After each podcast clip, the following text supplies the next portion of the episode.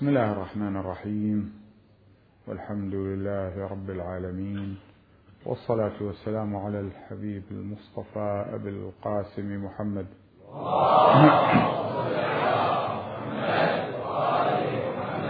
صلى الله عليه وعلى آله الطيبين الطاهرين. صلى الله عليك يا أبا عبد الله. صلى الله عليك يا أبا عبد الله. صلى الله عليك يا أبا عبد الله. أروحك أم روح النبوة تصعد من الأرض للفردوس والحور سجد؟ ورأسك أم رأس الرسول على القنا بآية أهل الكهف راح يردد؟ وأمك أم أم الكتاب تنهدت فذاب نشيجا قلبها المتنهد. وصدرك أم مستودع العلم والحجال تحطيمه جيش من الكفر يعمد. وشطرت الأرض السماء بشجوها. فواحدة تنعى وأخرى تعدد وقد نصب الوحي العزاء ببيته عليك حدادا. والمعزى محمد مات مات يم لولاك الفرض يا حسين مات يم وحق قلبك المنة ثلث. مات يم إلك بقلوبنا منصوب. مات يم ذكرك يا ذبيح الغاضرية. ونبني ونبني اي مياتم للحزن ننصب مياتم مياتم للحزن ننصب ونبني. فجعني حرمل بسهمه ونبني ونبني الطفل عاد يفطمون. ونبني انفطم يا نعاس بسهام المنية ورد في دعاء للإمام صاحب العصر والزمان الحجة بن الحسن صلوات الله وسلامه عليه. من الناحية المقدسة. يقول فيه بسم الله الرحمن الرحيم. اللهم إني أسألك أن تصلي على محمد نبي رحمتك وكلمة نورك.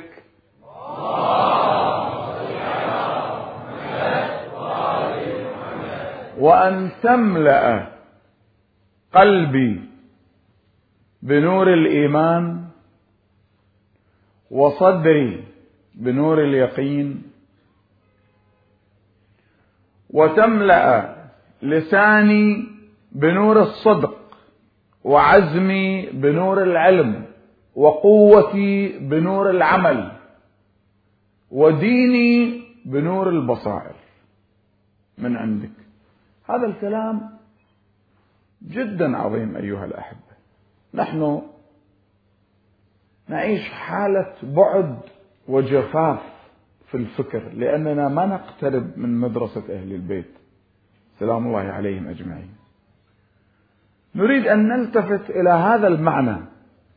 أولا هناك إشكالية أحب أطرحها بسرعة في دقيقتين قبل البحث لأنه أحد المؤمنين الآن شافني في باب الحسينية وطرح الإشكالية عليه يقول إن الله سبحانه وتعالى في القرآن يقول الذين اتخذوا من دون الله أولياء. وأنت تقرأ إنما وليكم الله ورسوله. يعني هو الآية لله تبارك وتعالى. والقرآن يفسر بعضه بعضا. لما تأخذ آية يجب أن تذهب مع آيات أخرى تفسر لك. الذين اتخذوا من دون الله أولياء من دون الله أولياء يعني ذهبوا في طريق لا يرضي الله. أما الرسول ولي الله والإمام علي ولي الله فهذا طريق الله هذه ولاية الله هذه ولاية مطلقة. الإمام علي بن موسى الرضا سلام الله عليه عندما حدث الناس في طريقه في مرو في طريقه من المدينة إلى خراسان ماذا قال للناس؟ في هذا الحديث الذي يعتبر من الأحاديث تعتبر وتطلق عليها حديث السلسلة الذهبية. لأن الآخرين عندما ينقلون حديث فلان عن فلان عن فلان عن فلان وفلان وفلان لا علاقة لهم بأهل البيت. من دون ذكر أسماء. بينما تأتي شوف الراوي اللي يروي الحديث هو الإمام علي بن موسى الرضا سلام الله عليه. والناس يقولون له يا ابن رسول الله يا ابن رسول الله أطل علينا سيدي. نلقي نظرة عليك. لما رفع الستار من المحمل هذا لاحظ شلون؟ رفعه بأبي وأمي. قماشة كانت تغطيه بأبي وأمي. رفعها الستر هذا اللي موجود رفعه. الناس ما تمالكوا أنفسهم من رؤية الإمام قبل أن يتحدث. وقعوا على الأرض يمرغون وجوههم بالتراب ويبكون والناس هكذا في الحقيقة. الناس اللي يمنحهم هو الحاكم الظالم الطاغوت. الآن مأمون ظالم لكنه السياسة اقتضت أن يسمح للناس أن يلتقوا الإمام أو يلتقوا به لأن هو باعتبار حسب الظاهر ولي العهد يعني. ولا هو الإمام روحي له الفداء كيف يكون ولي العهد؟ هذه أمور لازم واحد يعرفها. فحدثنا يا ابن رسول الله حدثه قال سمعت أبي الإمام موسى بن جعفر عليه السلام يقول حدثني أبي الإمام جعفر بن محمد الصادق عليه السلام يقول حدثني أبي تأمل العبارة. من المحدث ومن الراوي؟ شوف هاي مدرسة أهل البيت. لاحظ الأحاديث الموثقة لاحظ الإسناد العظيم. حدثني أبي الإمام الصادق يقول حدثني أبي محمد بن علي الباقر عليه السلام يقول حدثني أبي علي بن الحسين زين العابدين يقول حدثني أبي الحسين بن علي شهيد كربلاء يقول حدثني أبي علي بن أبي طالب عليه السلام يقول حدثني أخي رسول الله صلى الله عليه وآله وسلم يقول حدثني جبرائيل يقول عن الله قال الله تبارك وتعالى عن رب العزة من قال أشهد أن لا إله إلا الله أو كلمة لا إله إلا الله حصني فمن قالها دخل حصني. ومن دخل حصني أمن من عذابي. هذا حديث السلسلة الذهبية. حتى قالوا لو قرئ على ميت لأحياه الله. لو قرئ على مجنون لأفاق. ثم ضرب الراحلة ومشى. والكتاب ينقلون الآن. يقولون أكثر من عشرين ألف محبرة وقلم كتبوا هذا الحديث. تفت كيف؟ الإمام سار بعد ذلك أطل عليهم إطلالة أخرى. قال اكتبوا. هذه كلمة التوحيد. لا إله إلا الله حصن الله ومن قالها دخل حصن الله ومن دخل حصن الله حماه حصن الله من عذاب الله. اكتبوا بشرطها وشروطها. كتبوا بشرطها ويطلعون عليه. قال وأنا من شروطها. أنا إمام زمانكم. الإمام داخل فيها. إذا واحد ما عنده علاقة بالإمام لو مليون مرة يقول لا إله إلا الله ما تنفع. تبد كيف؟ المسألة. فإذا لاحظوا الربط اللي موجود الذين اتخذوا من دون الله أولياء هؤلاء حبيبي ناس كفروا بالله. كفروا برب العالمين. لذلك يقول الله ولي الذين آمنوا يخرجهم من الظلمات إلى النور والذين كفروا أولياؤهم الطاغوت. وإلا هؤلاء الذين وقفوا أمام الحسين يوم عاشوراء هؤلاء اتخذوا من دون الله أولياء. وشوف مسألتهم وين وصلت؟ إلى أي درجة وإلى أي معنى؟ سبحان الله فدائما أحبتي لاحظوا القرآن يفسر بعضه بعضا. مسائل هكذا. يعني لما واحد يأتي ويسمع أن الإمام الحسين سلام الله عليه الله تبارك وتعالى بنفسه قبض روح الحسين يوم عاشوراء. مو ملك الموت. واحد يجي يستكثر هذا الشيء يقول عجيب. يعني الله هو قبض روح الحسين؟ ولذلك القرآن يضع هذه الأمور حتى لا تستكثر على أهل البيت. الله يتوفى الأنفس حين موتها. القرآن موجود. الله يتوفى الأنفس حين موتها. والتي لم تمت في منامها. في آيات أخرى قل يتوفاكم ملك الموت الذي وكل بكم. إذا هذه واحدة. شوف تمشي فيها أنت تنطلق. انطلاق كما الآية؟ ها؟ أحسنت. ليست محكمة. لأنه إذا محكمة يعني الله عنده يد مثل إيدنا إحنا؟ مثل مثل أيدينا؟ لا. الله ما عنده يد. إذا هذا متشابه. فتروح إلى آية محكمة ليس كمثله شيء. فتعلم أن اليد هنا معناها غير هذه اليد. غير هذه اليد. وهكذا الأمور كلها بهذا الشكل. عندما تأتي إنما وليكم الله هذه إنما أداة حصر. إنما وليكم الله. امشي فيها. ورسوله والذين آمنوا لأنه قال يا أيها الذين آمنوا أطيعوا الله وأطيعوا الرسول وأولي الأمر منكم.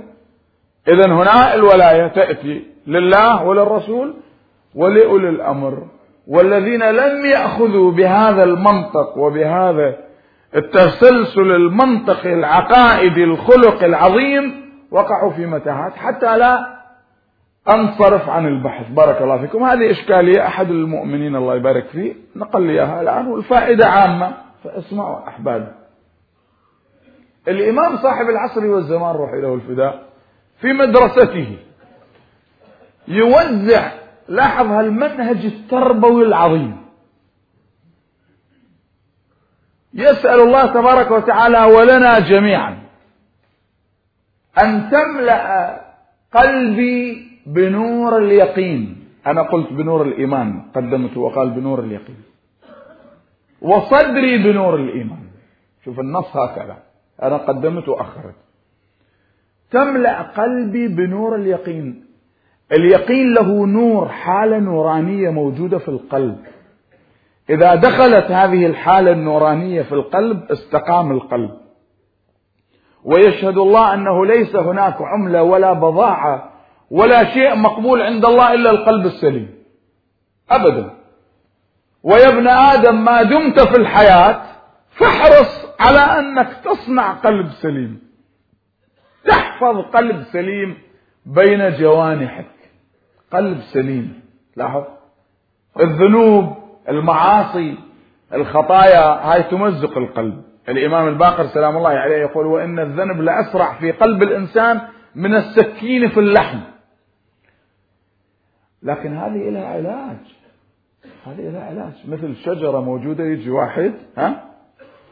بيده فأس أو بيده سيف أو بيده بلطة يضرب غصن يقطع من الشجرة الشجرة تعوض. هذا الغصن اللي وقع تعوضه لكن إذا أجيت وقلعت الشجرة من الأساس هل يمكن تعوض؟ ففي ذنوب يمكن لها حل. يا عبادي الذين أسرفوا على أنفسهم لا تقنطوا من رحمة الله. يعني هاي ذنوب لها حل. لكن الذنب اللي ما له حل هو الخيانة الكبرى أحبتي. خيانة الله وخيانة الرسول وخيانة أهل البيت.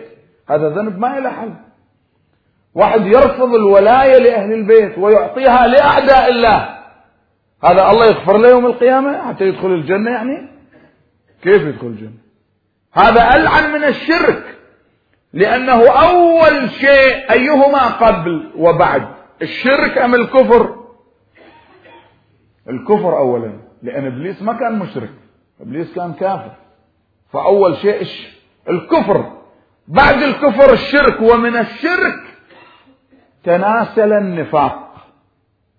ملتفت كيف؟ وتكاثر النفاق من الشرك. فلذلك تشوف المنافق هذه هاي قضايا قبل وبعد.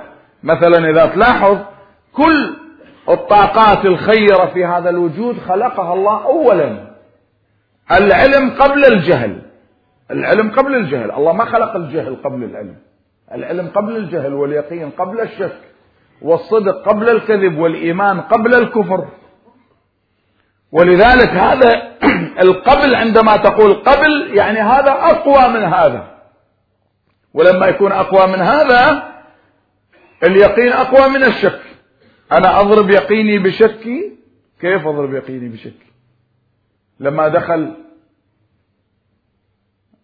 هذا العالم الأموي دخل على الإمام زين العابدين سلام الله عليه.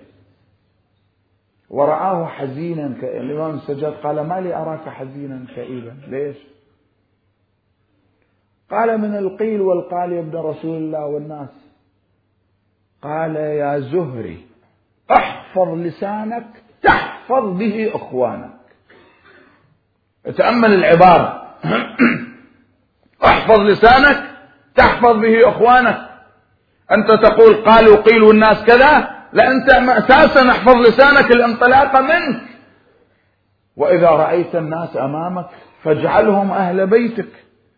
فاجعل كبيرهم بمنزلة أبيك وصغيرهم بمنزلة ولدك وتربك بمنزلة أخيك. فأي واحد تحب أن تظلم من هؤلاء؟ وإذا حدثتك نفسك بأن لك مكان ومنزله على أحد من أهل القبله فانظر إلى نفسك. فقل إن كان أكبر مني فقد سبقني بالإيمان. أكبر مني فهو إيمان أطول مني وصلى قبلي. وإن كان أصغر مني فقل سبقته بالمعصية. شوف التربية يا حبيبي شوف التربية. يقول إذا أصغر منك قل أنت سبقت بالمعصية لأن معاصيك أكثر منه هو أصغر منك. وإذا أكبر منك قل سبقني بالإيمان. وإذا كان في سنك وتربك يعني هو كان تربك فقل أنا على يقين من ذنوبي وفي شك من ذنوبه. فما لي أضرب يقيني بشك. ليش أضرب يقيني بشك؟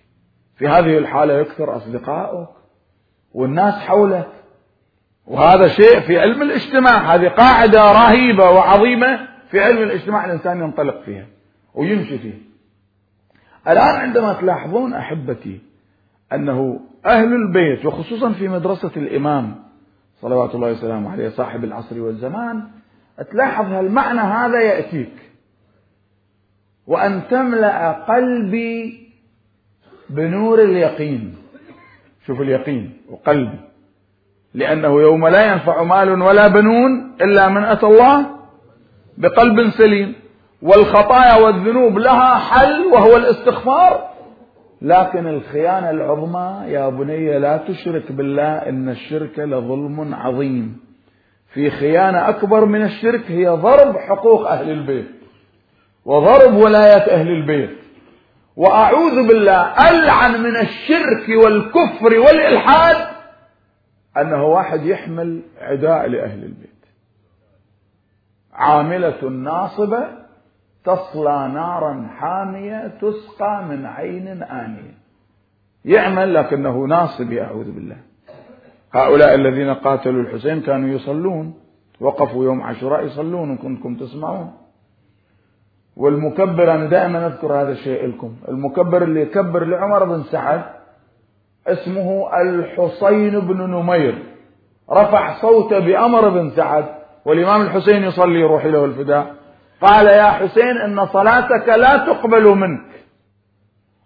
شفت ولذلك ما يقدر واحد يجي يقف هنا في عاشوراء يشوف الحسين يصلي وعمر بن سعد يصلي يقول والله أنا حاير دول اثنينهم يصلون. لا. وماذا بعد الحق إلا الضلال حبيبي؟ أهل البيت هم أهل الحق. الإسلام ما يخليك في حيرة خصوصا قضية الحسين. الإمام الحسين فضح المؤامرة كلها. لذلك ما في أحد يشكك بالإمام الحسين ما يستطيع أحد يشكك بالحسين نهائيا.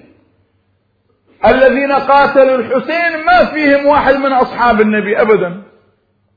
الذين وقفوا وقاتلوه ما فيهم أحد من أصحاب النبي. وهاي قضية خاصة لسيد الشهداء.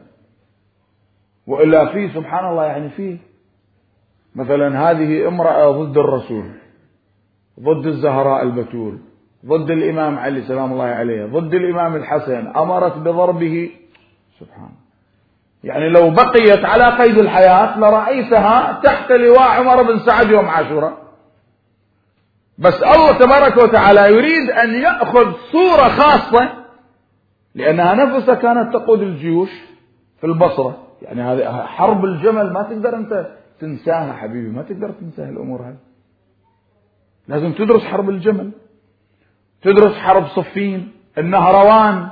كيف هؤلاء رفعوا السلاح والسيف ضد الإمام أمير المؤمنين وضد أهل البيت؟ كيف هؤلاء أظهروا الفرح والسرور يوم وفاة فاطمة الزهراء؟ سلام الله عليها. كيف أظهروا الفرح والسرور يوم قتل الإمام الحسين؟ كيف أظهروا الفرح والسرور عندما أدخلوا رحل الحسين وعيال الحسين إلى الكوفة؟ وإذا خمسة مساجد ها يجدد بناءها وتبياضها وكذا فرحا لقتل الحسين. خمس مساجد وأئمة المساجد هناك عجيب أنا لما أقرأ هذا التاريخ حقيقة أتعجب. يعني هؤلاء كانوا من الخوارج وكانوا من أيام أمير المؤمنين علي سلام الله عليه. هاي المساجد موجودة الإمام أمير المؤمنين ما سكر المساجد ولا أغلقها ولا قال لأصحابه اقتلوا هؤلاء اضربوهم. هذا شيء مدهش حقيقة. إذا تلاحظوا تقرأوا المغيرة ابن شعبة كان عنده مسجد. عمرو بن حريث الخارجي كان عنده مسجد في أيام أمير المؤمنين في الكوفة. ويصعد بالمسجد بالكوفة يحكي ضد الإمام علي. هذه وين صايرة؟ صوروها أنتم في أي مكان يمكن تأخذونها. يعني أكثر من أنه الإمام يشوف هذا ابن ملجم اللعين. وهو يعلم أنه قاتله أنه يقتله. مع ذلك ما يقتله. فيسألونه يجيب جوابين جواب لعامة الناس وجواب للخواص اللي أهل فكر. جواب لعامة الناس يقول إنه لا يجوز قال لا يجوز القصاص قبل الجناية والجناية لم لم تحصل منه. كيف أنا أقتص منه؟ هذا جواب عام. لكن الجواب الخاص اللي مو كل الناس يفهموه الإمام قال سبحان الله يريدونني أن أقتل قاتلي فمن يقتلني إذا هذا الكلام شوية التفت إليه. مو يعني الإمام ذاب نفسه هالشكل بالطريق تعالوا اقتلوني لا. هذا أنا المفروض أني ما أذكر هذا الجواب الآن. المفروض أني ما أذكره بس أنا أعتمد على ثقافتكم وأشير إشارة حتى ما تبقى الإشكالية في أذهانكم. الإمام سلام الله عليه لما يريد يقول هذا الكلام شنو معنى كلامه؟ يعني يقول يريدونني أقتل قاتلي؟ هذا قاتلي. إذا أنا قتلت فمن يقتلني؟ يعني شنو معنى؟ معنى كلامه إذا أنا أقتل ابن ملجم لأنه يريد قتلي فهذا نظام يعني قانون معناه كل واحد يريد قتلي أنا أقتله. فمعناه ما راح حد يقتل علي بن أبي طالب. صح ولا مو صحيح؟ التفتوا. لأنه ما تخفى عليه خافية أمير المؤمنين سلام الله عليه. قال إذا أنا سمحت لنفسي أني أقتل الذي يريد قتلي فمعناه المسألة ما لها علاقة بابن ملجم. كل واحد غير ابن ملجم يريد يقتلني لازم أقتله أنا. فإلى يوم القيامة ما في أحد يقدر يقتلني. انتبهتوا؟ هذا لما يقول هذا جواب خاص وفي بحوث أخرى بس أنا جاوبتكم عليه حتى ما تبقى الصورة غير واضحة أمامكم. أحبتي أهل البيت روحي لهم الفداء. في مدرستهم يصنعون القلب السليم يوم لا ينفع مال ولا بنون إلا من أتى الله بقلب سليم والقلب السليم له علاقة بالتشيع لأهل البيت. لاحظ؟ وإن من شيعته لإبراهيم إذ جاء ربه بقلب سليم. لاحظوا العبارة. ثم يطلب الإمام سلام الله عليه يسأل الله أن يملأ صدره بالإيمان بنور الإيمان.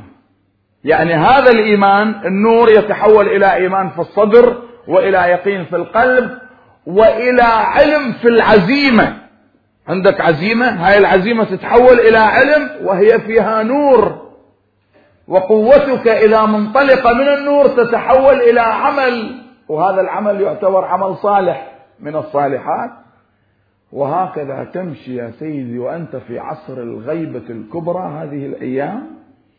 وتستلهم الرشد وتستلهم الصورة الصادقة من إمامك صاحب العصر والزمان الذي تدعو له دائما إن شاء الله ولا تنسوه أبدا يا أحبتي. لا تنساه نهائيا.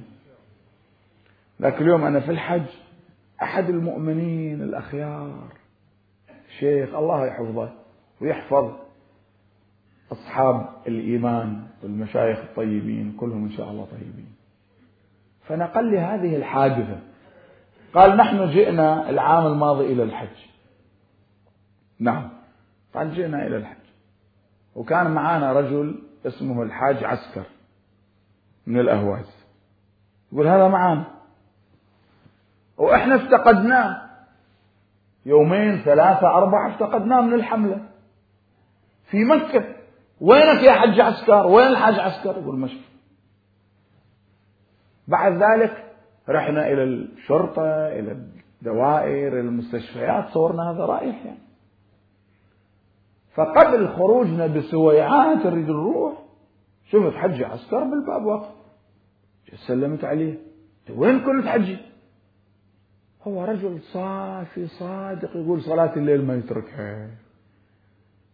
بعيد عن الحرام يتحقق من اللقمة اللي يأكلها لقمة الخبز. هكذا سبحان قال وين أنا كنت؟ أنا كنت أطوف كملت الطواف صليت ركعتين عند مقام إبراهيم. هذا طواف مستحب. ثم رحت بين الصفا والمروة أسعى شفت سيد جميل الطلعة هيبة لطيف. يمشي بعدين وضع يده بيدي. قال يا حج عسكر تفضل معي. يقول أنا كنت معه بعدين لاحظت جالس عند الصفا. جالس عند الصفا يجلس وأنا جلست معه.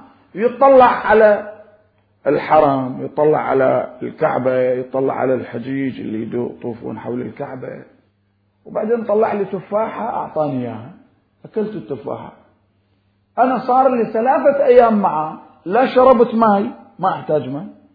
ولا أكل الطعام من هاي التفاحة.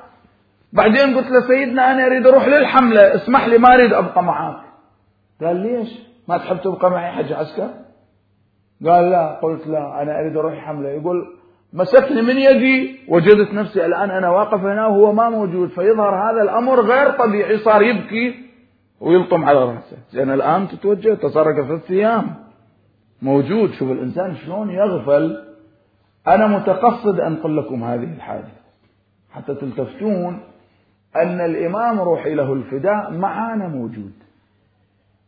أقسم بالله العظيم واحد سيد الآن جالس في المجلس من الشبان قبالي موجود موجود منها الشباب ذاك اليوم نقل لي هذه الحادثة وهو يبكي وهو صادق وأنا أعتبره ثقة.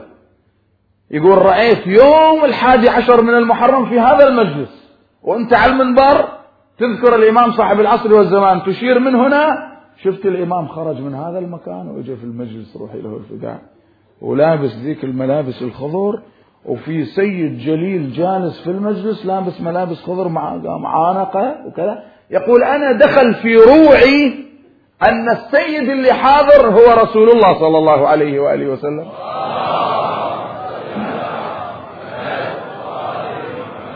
وليش لا حبيبي ليش يعني في واحد يستكثر هذه الأمور؟ يعني هذا مو مجلس خير ومأتم الحسين والملائكة تزدحم عليه فقطعا أهل البيت يحضرون هذا مما لا شك في ذلك. لكن واحد لصفائه يشوف هذا المنظر. معناه نحن الإمام ما يتركنا. دائما أذكر لكم أقول لكم سليمان في الجو يسمع النملة تتحدث بالوادي.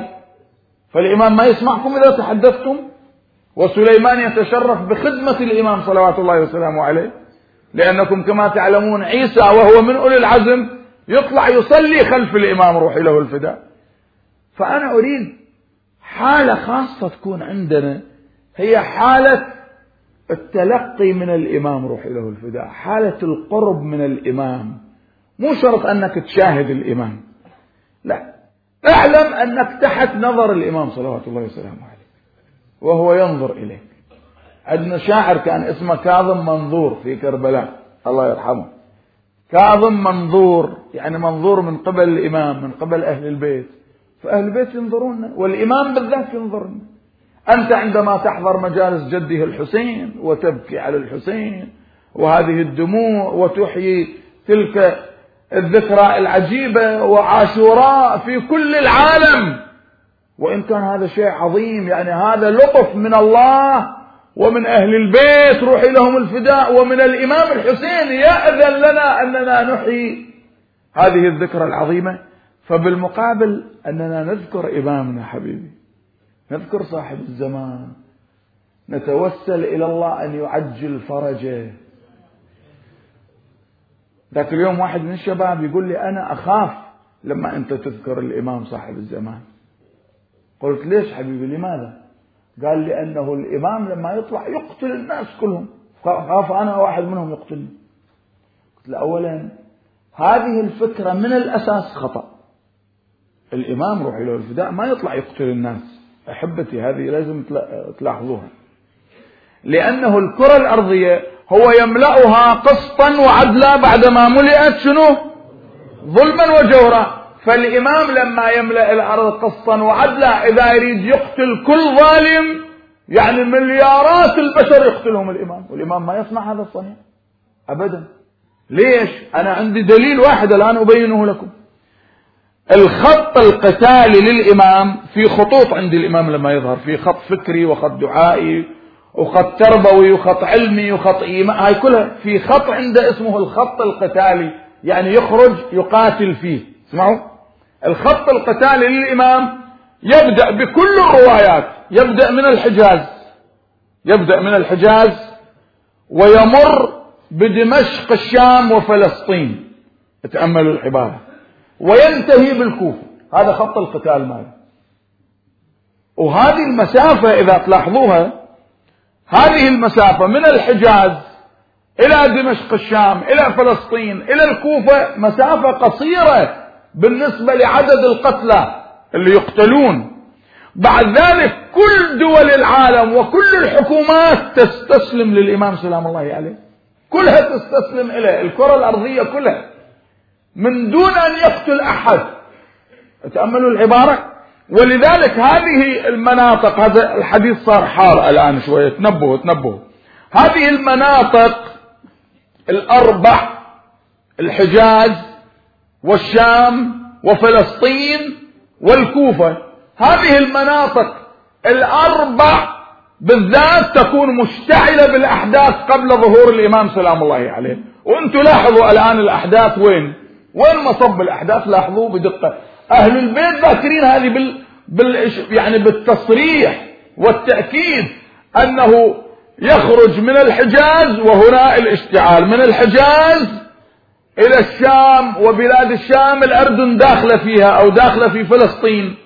التفتوا جنوب لبنان داخلة في الشام أيضا. وفلسطين بالذات. بعد ذلك يطلع بأبي وأمي يروح إلى الكوفة. وهناك بالكوفة راح يكون له مسجد كبير. المسجد فيه عشرة آلاف باب. هذا واحد يتصوره بالله عليكم أنتم تصوروا وين هذا المسجد يصير؟ يعني أشياء غيبية هذه. عشرة آلاف باب إذا بين باب وباب في مسجد آخر يبنيه ألف باب. فتصوروا عشرة آلاف باب لمسجد بين باب وباب. إذا عشر أمتار كم يطلع عندك؟ مئة ألف. متر مربع أو أكثر أكثر من مئة ألف.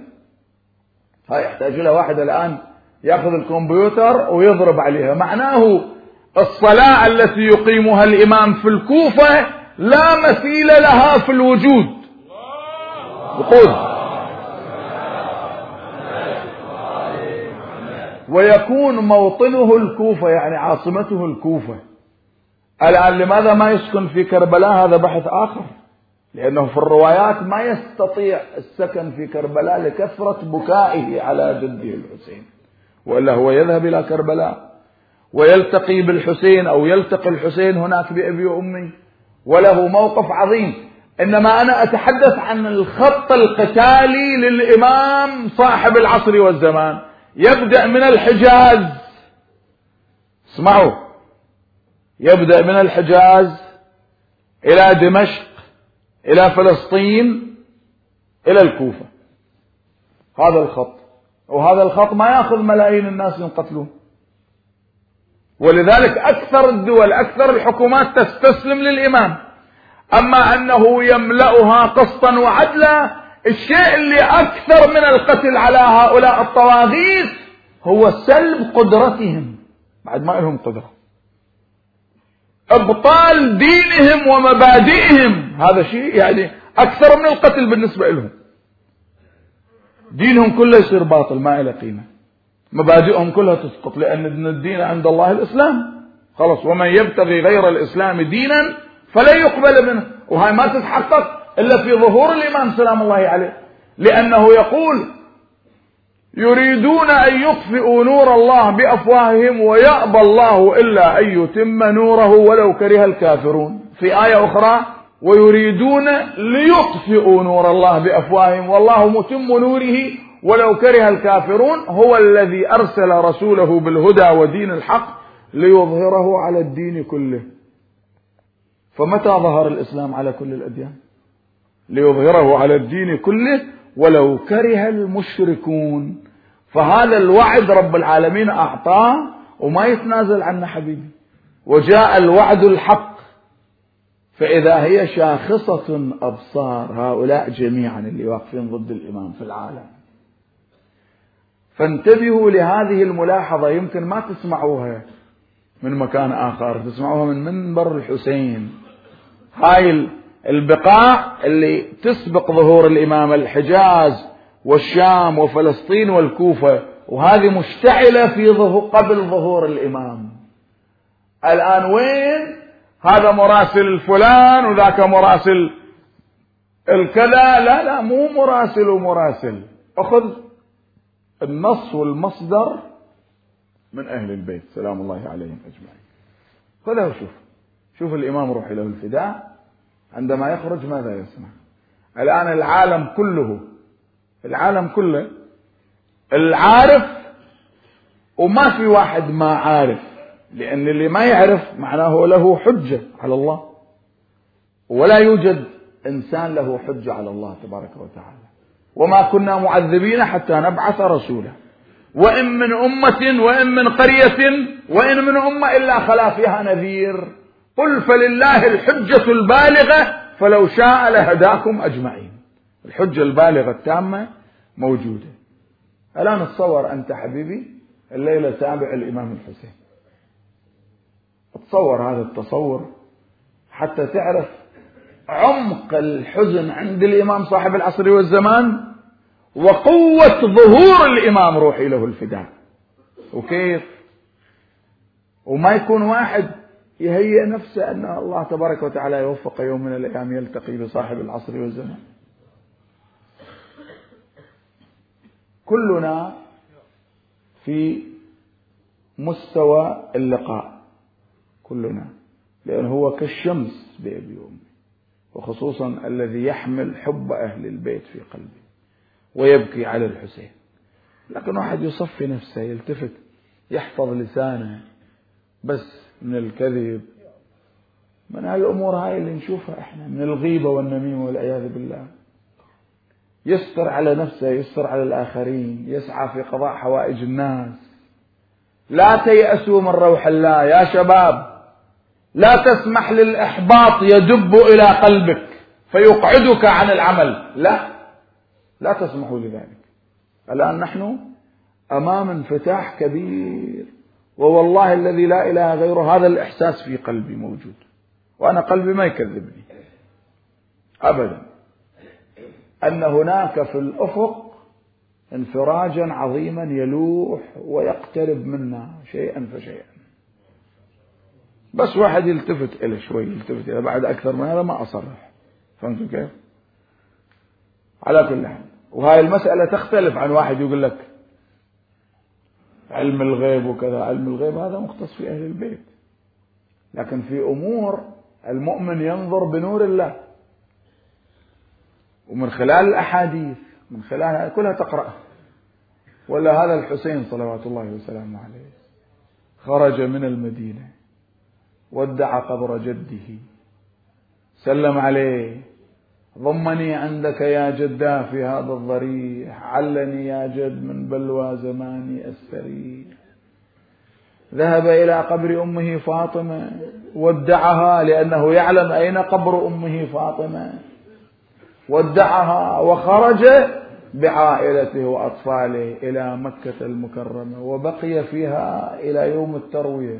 فخرج يوم التروية والإمام الحسين يكتب يقول أنا خرجت يوم التروية الثامن من ذي الحجة يوم الثلاثاء الحسين يذكر يوم الثلاثاء وشهر ذي الحجة دائما 29 يوم ولذلك محرم بدأ يوم الأربعاء ومقتل الحسين كان يوم الجمعة. هاي ملاحظة التفتوا إليها الإمام الحسين يقول إلى أن خرج بأبي وأمي من مكة وعائلته معه والأطفال. إلى أن وصل إلى كربلاء. ملأ الصحاري عليه بالجيوش. وصل إلى كربلاء هناك. نزل بأبي وأمي في اليوم الثاني يعني ليلة الجمعة أول نزول أول ليلة عند الحسين كانت ليلة الجمعة. لأن نزل يوم الخميس فليلة الجمعة كان أول جمعة. ها؟ وآخر جمعة كانت ليلة عاشوراء عند الحسين. فنزل ليلة الجمعة وآخر جمعة كان الحسين سلام الله عليه كان ليلة الجمعة. ولذلك صلاة الإمام الحسين روحي له الفداء. هذا بعض المؤرخين لما يتحدث يقول الإمام الحسين صلى صلاة قصر ما صلى صلاة تمام لأنه ما بقى عشرة أيام حتى ينوي الإقامة. الحائر الحسيني نفسه كربلاء كلها حائر. كربلاء هي الحائر. انتبهت كيف؟ وأنت في حائر الحسين كما في مسجد الكوفة كما في المسجد الحرام كما عند النبي صلى الله عليه وآله ذول الأربعة أنت مخير بأن بين أن تتم صلاتك أو تصلي قصر والأفضل أنك تتم الصلاة. يعني الأفضل أنك تتم الصلاة. في الكعبة هناك بالمسجد الحرام صلي تمام. في المدينة صلي تمام. حتى لو ما باقي أيام طويلة. في الكوفة في المسجد صلي تمام. في كربلاء في الحائر صلي تمام. الآن العلماء الأخيار الله يبارك فيهم يبينون هذه الروايات فيقول الكوفة ليست المسجد وحده وإنما كل مدينة الكوفة. كما أن الحائر لا يعني حرم الإمام الحسين وإنما يعني كربلاء كلها. وهذا معنى الفقه حبيبي. هذا معنى الفقه. وإلا أنت تشوف مثلا مسألة يقول لك أنت لك حق تصلي من قبر الحسين إلى مثلا 100 متر أو 120 متر أو 500 متر. طيب هذا المعنى إذا في عشر ملايين زائر يزورون الحسين كيف أنت تحصرهم في 100 متر؟ عشر ملايين كلهم يصلون صلاة تمام. فالأخبار الواردة عن أهل البيت وعن الإمام الصادق وكثير من علمائنا الله يبارك فيهم يأخذون بهذه الأخبار أن كرب الحائر كل كربلاء هي الحائر. كل كربلاء على أربع جهات ست فراسخ أو أربع فراسخ في بعض الروايات الآن تلاحظها هذه كلها كربلاء كلها كربلاء. فإذا كان الحائر اللي هو يتشرف بالإمام الحسين هناك من أجل وجود سيد الشهداء أنت تصلي تمام. فكيف الإمام الحسين وهو نازل في الحائر؟ وهو جاي في كربلاء. فالإمام روح له الفداء صلى هذه الصلاة إلى ليلة الجمعة. وفاجأته أخته زينب روحي فداها. ويذكر لأن ليلة السابع نذكر هذه الصور حبيبي. شوف ليلة السابع الإمام. يا دهر أف لك من خليلي. لطمت وجهها حتى وقعت بباب الخيمة مغمى عليها. الإمام الحسين حملها واحتملها. أدخلها الخيمة. جلس يبكي على أخته زينب. لما فتحت عينها رأت أخاها الحسين يبكي. يوم عاشوراء كذلك. يوصيها الإمام الحسين. في الوداع رآها تضطرب. قال أخي زينب ربط الله على قلبك. هكذا ودعها وشافت هذا الوداع. والتفتت إلى المدينة. أمها فاطمة هذه الوديعة ردت الأمانة أخذت قبلت أخاها في نحره شمته في صدره في نحره. وقالت أخي أبا عبد الله هذه وديعة وصية من أمك فاطمة الزهراء سلام الله عليها. إلى يوم الحادي عشر خرجت من من كربلاء ودعت نظرت إلى الأجساد الطاهرة. شافت أخوها الحسين نظرت إليه قالت أخي أبا عبد الله لولا والله هكذا خاطبته بهذا الخطاب بهذا الخطاب. أخي لو خيروني بين المقام عندك أو الرحيل عنك لاخترت المقام ولو أن السباع تأكل من لحمي ولكن الأمر كما ترى هذه نياق الرحيل تجاذبنا في المسير وهذا متني قد اسود من الضارب. خويا لا تقول عني سافروا وما ودعوني. ولا تقول زينب والحرم ما يودوني. وخرجت إلى الكوفة ودخلت والمصائب تتلو تتلو وتترى عليها. الله أكبر. مصيبة بعد مصيبة. في باب الكوفة امرأة أشرفت من الكوفيات. قالت أخي من أي الأسارة أنتم؟ أجابتها زينب نحن أسارى آل محمد. فنزلت من سطحها وجمعت لهن ملأ وأزر ومقانع فأعطتهن. وقد غصت الطرقات في وجوه أهل البيت هناك. القبائل خرجت تنادي بكل امرأة لها علاقة في هذه القبيلة. بنو عليم بنو أسد فلانة أخرجي. الحوراء زينب واقفة تقلب طرفها. لم يخرج أحد ينادي باسمها. لذلك كانت تدلف إلى رأس أخيها الحسين. قل أخويا كل من لها وليان جوها صاحوا باسمها وطلقوها وزينب هلا تغذروها ودخلت في مجلس اللعين ابن زياد في تلك الحالة وصار يسأل عنها ويشوفها هكذا يراها أمامه إلى أن وقع بصره عليها. من هذه؟ قيل هذه زينب ابنة علي. قال الحمد لله الذي فضحكم وقتلكم. قبل هذا الموقف صعد المنبر وقال الحمد لله الذي قتل أنقل كلمته لتطلع على خبثه وناقل الكفر ليس بكافر. قال الحمد لله الذي قتل الكذاب ابن الكذاب. فقام إليه عبد الله بن عفيف الأزدي وكان هذا الرجل من خيار الشيعة وزهادها قارئا للقرآن ومن شيوخ القراء وكان يلازم المسجد الأعظم يصلي فيه الليل كله. قال إن الكذاب ابن الكذاب أنت وأبوك ومن استعملك وأبوه يا عدو الله أتقتلون أبناء النبيين؟ وتتكلمون بهذا الكلام على منابر المسلمين. أين المهاجرون والأنصار ينتقمون منك ومن طاغيتك اللعين ابن اللعين على لسان رسول رب العالمين؟ قال من المتكلم؟ قال أنا المتكلم يا عدو الله. هذا عينه اليمنى. عبد الله ابن عفيف الأزدي ذهبت عينه اليمنى يوم الجمل والأخرى في يوم صفين وهو من أصحاب أمير المؤمنين سلام الله عليه. وهكذا ولعل ذهاب عينيه أقعده عن نصرة الحسين في كربلاء كما تعلمون وإلا هذا الرجل ما كان يتأخر عن الإمام الحسين. فأمر الجلاوزة أن, يضرب أن يأخذوه فقام الأشراف من الأزد وخلصوه من بين الجلاوزة وأوصلوه إلى بيته لكن ابن زياد أرسل جيش وناس واقتحموا عليه الدار عند بنت اسمها فاطمة صغيرة. ركبت على التنور التنور ما مسجور ركبت عليه وهي تنادي أبا جاءوك من جهة كذا. وتتحدث مع أبيها وهو يقول أقسم لو كشف لي عن بصري ضاق عليكم موردي ومصدري إلى أن أحاطوا به وأخذوه إلى ابن زياد. فلما أدخلوه على ابن زياد قال الحمد لله الذي أخزاك. قال وبماذا أخزاني يا عدو الله؟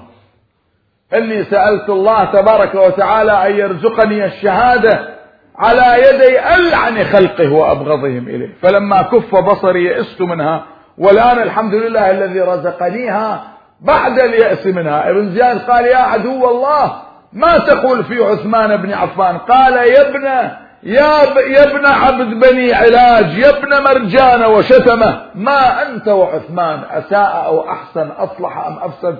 الله تبارك وتعالى يتولى الحساب بين خلقه ولكن سلني عنك وعن أبيك وعن يزيد وأبيه. قال والله لا سألتك عن شيء أو تذوق الموت غصة بعد غصة.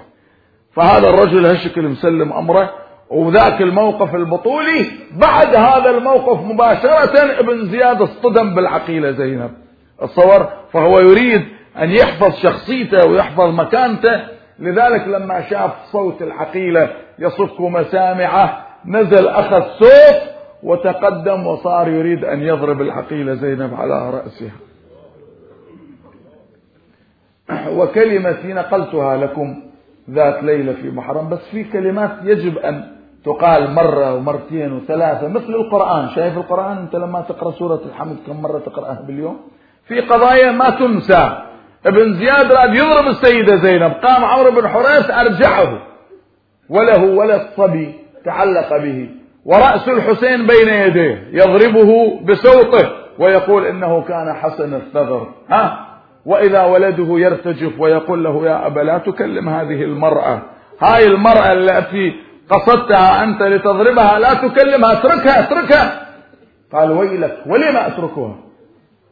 قال والله يا أبا رأيتك لما ذهبت لتضربها رأيت هذا الرأس يرمقها بعينه يتطلع إليها ينظر إليها. فأنا خفت من هذا الموقف ومن هذا المنظر. قطعا رأس الإمام الحسين كله معجزات وكرامات وهكذا. ولذلك نقلوا رأس الحسين من مكان إلى مكان. بعدين صار يتسأل عن الحاضرين. وجه سؤال إلى علي بن الحسين زين العابدين الإمام السجاد. قال من أنت؟ قال علي بن الحسين. ابن زياد قال أوليس قد قتل الله علي؟ قال كان لي أخ يسمى علي الأكبر قتله الناس. ابن زياد قال بل قتله الله. قال له الإمام زين العابدين إن الله يتوفى الأنفس حين موتها والتي لم تمت في منامها. قال أو بك جرأة على رد جوابي؟ اضربوا عنقه. فجاء الجلاوزة ليضرب عنقه. قامت الحوراء زينب وألقت بنفسها على الإمام زين العابدين. وقالت والله لا أتركه أبدا. إذا زعمت على قتله إذا عزمت على قتله فاقتلني قبله. فتطلع إليها ساعة قال اتركوه لها والله لقد ودت أنها تقتل دونه. شوف شوف القضية وين تصل. ولذلك أخرجوا رأس الإمام الحسين إلى الشام. الآن روحوا أحبابي في كربلاء كان أيام زمان مسجد اسمه مسجد رأس الحسين في صحن الإمام الحسين سلام الله عليه. يعني. شوف هذا المعنى. في النجف مسجد الحنانة. هذا كان فيه مرقد رأس الحسين سلام الله عليه. يعني الآن كل ما تروحون أنتم. في الموصل في مسجد فيه مرقد رأس الإمام الحسين. في نصيبين مسجد فيه مرقد رأس الإمام الحسين. في حما أنا رأيت في بستان مسجد فيه رأس الإمام الحسين يعني مرقد رأس الحسين سلام الله عليه. في حمص كذلك في حلب كذلك إلى اليوم حتى الصخرة موجودة في حلب عليها دم الحسين صخرة موجودة. وأحيانا لما يصير بكاء شديد عند الصخرة تشوف الدم يذوب الدم يذوب ويجري. هذه معروفة القصة لأن الدم ما كان على الصخرة فوق فقط وإنما الصخرة هي مشبعة بالدم دم الإمام الحسين. كذلك في عسقلان في فلسطين مرقد رأس الإمام الحسين. في في الشام في دمشق الشام في الجامع الأموي مرقد رأس الإمام الحسين. هذا معناه أن الرأس الشريف كان يطاف به في كل بلاد الدنيا هذه من مكان إلى مكان. إلى أن وصلوا إلى الشام فنصب رأس الإمام الحسين على قصر يزيد ثم وضع بين يديه. الآن لاحظوا هذا المنظر شوية لاحظوه. وضع بين يديه يزيد بن معاوية لعنة الله عليه. كان قد أعد مائدة جلس عليها ومعه جماعة من بني مروان. يلعبون الشطرنج معه. وعند نوع من الفقاع. تعرفون الفقاع؟ هو نوع من الخمر. يستخرج من ماء الشعير من الشعير يستخرج. فالشطرنج والفقاع. الفقاع يستخرج من الشعير والشطرنج موجود عند يزيد. فصار يلعب وإذا غلب صاحبه شرب كأس وكأس وكأس وبعد ذلك يذب الفقاع يصب الفقاع على جانب الطشت الذي فيه رأس الحسين. طبعا الشيخ البهائي له رأي أنا ما أقدر أن أقله ولا أستطيع أن أحكي فيه. لأنه يقول أن يزيد بن معاوية ما أقدر أقول ماذا قال. ولذلك هند زوجة يزيد أخذت الرأس وطيبته وغسلته بالماء ورأت فاطمة الزهراء سلام الله عليها تشكرها على عملها.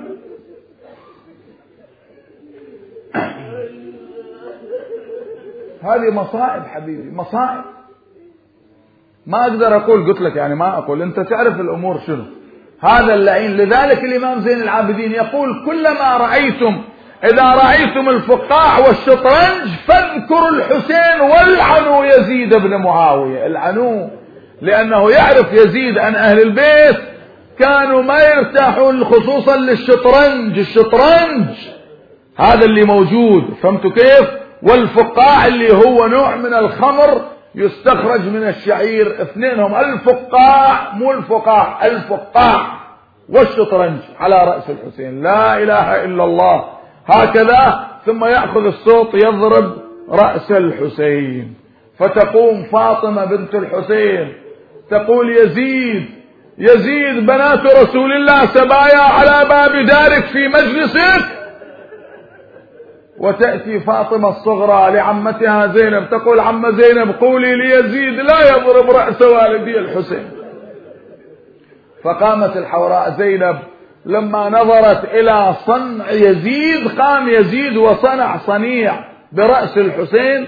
هذا أيضا ما أقدر أقوله أيضا والله ما أقدر أقوله. لكن يكفي أن الحوراء زينب لما رأت يزيد يصنع هذا الصنيع برأس الحسين أهوت إلى جيبها فشقته. ثم نادت بصوت حزين يفرح القلوب. يا حسيناه يا حبيب رسول الله. يا ابن مكة ومنى يا ابن فاطمة الزهراء سيدة النساء. يا مفقود هم بيك الزمان يعود وهم طيب الليالي وترد لي نردود وهم يأتي الفرح وانزغ هدوم السود. مضت وشمولها لينا الفلك طرها. بسم الله الرحمن الرحيم. أمن يجيب المضطر. اطلبوا حوائجكم. الدموع والبكاء هذا بارك الله فيكم. اطلبوا حوائجكم إن شاء الله مقضية بحرمة هذه الليلة ليلة سابع الامام الحسين سلام الله يعني. بسم الله الرحمن الرحيم. أمن يجيب المضطر إذا دعاه ويكشف السوء. باسمك العظيم الأعظم الأعز الأجل الأكرم. يا الله! يا الله يا الله يا الله يا الله يا الله. نسألك وندعوك بأحب الخلق إليك محمد وعلي وفاطمة. والحسن والحسين قضاء حوائج. بارك الله فيكم. أنا موصى من قبل بعض المؤمنين بقضاء الحوائج. الله تبارك وتعالى على هذه الوجوه الطيبة والقلوب الطاهرة والدموع والبكاء يقضي حوائجنا. وحوائج اللي طالبين من عندنا وحوائج المؤمنين في مشارق الأرض ومغاربها لأن الله أكرم الأكرمين لا يرد أحدا خائبا من بابه أبدا. بسم الله الرحمن الرحيم. بسم الله وبالله ومن الله وإلى الله وفي سبيل الله وعلى ملة رسول الله صلى الله عليه وآله وسلم. اللهم إليك أسلمت نفسي وإليك وجهت وجهي وإليك ألجأت ظهري وإليك فوضت أمري. فاحفظني بحفظ الإيمان من بين يدي ومن خلفي وعن يميني وعن شمالي ومن فوقي ومن تحت. وادفع عني بحولك وقوتك فإنه لا حول ولا قوة إلا بالله العلي العظيم. اللهم كن لوليك الحجة ابن الحسن. صلواتك عليه وعلى آبائه في هذه الساعة وفي كل ساعة وليا وحافظا وقائدا وناصرا ودليلا وعينا. حتى تسكنه أرضك طوعا وتمتعه فيها طويلا. برحمتك يا أرحم الراحمين. وصلى الله على محمد وآله الطاهرين. الفاتحة مع الصلوات.